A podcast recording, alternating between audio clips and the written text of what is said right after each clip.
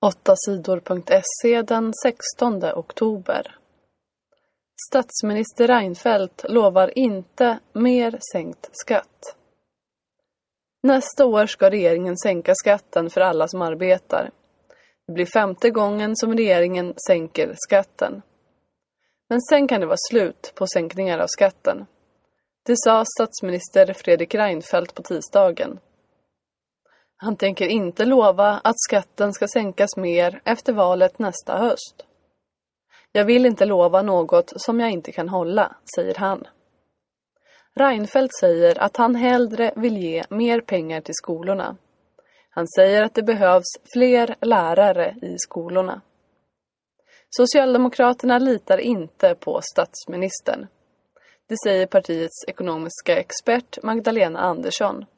Jag vill se ett förslag som visar att han menar allvar, säger hon. Tyskland vann stort mot Sverige.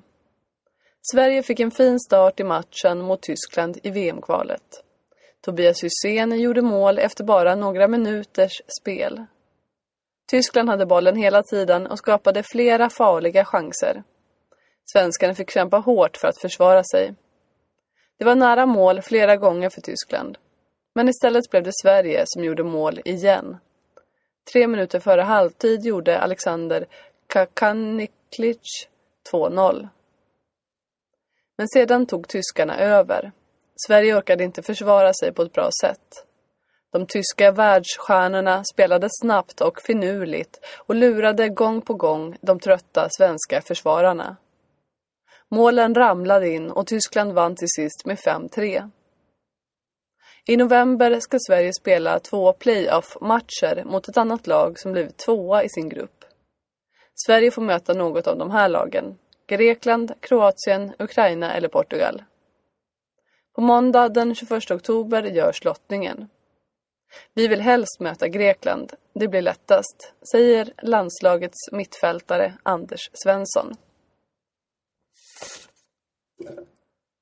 90 dog i jordbävning i Filippinerna. I tisdags var det en kraftig jordbävning i landet Filippinerna. Marken skakade och många hus rasade. Träd föll omkull och vägar förstördes. Det var tre öar som drabbades.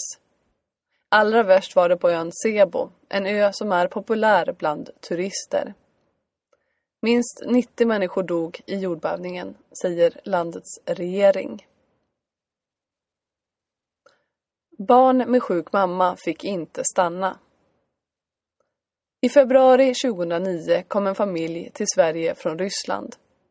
Efter ett par år kom det fram att pappan slog och plågade sin familj. Han dömdes till fängelse i två år. Då hade Migrationsverket redan bestämt att familjen inte fick stanna i Sverige. Mamman blev väldigt ledsen. Hon slutade äta, dricka och prata. Hon blev psykiskt sjuk. Hon hamnade på ett sjukhus. Socialtjänsten sa att mamman inte kunde ta hand om sina barn.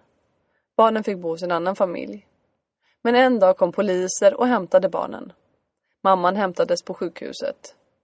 Poliserna tog dem till flygplatsen och tvingade dem att lämna Sverige. Det är tv-programmet Uppdrag granskning som berättat om familjen. De säger att Sveriges myndigheter gjort många fel. Sveriges myndigheter borde ha tänkt på hur det skulle bli för familjen efter att de lämnat Sverige.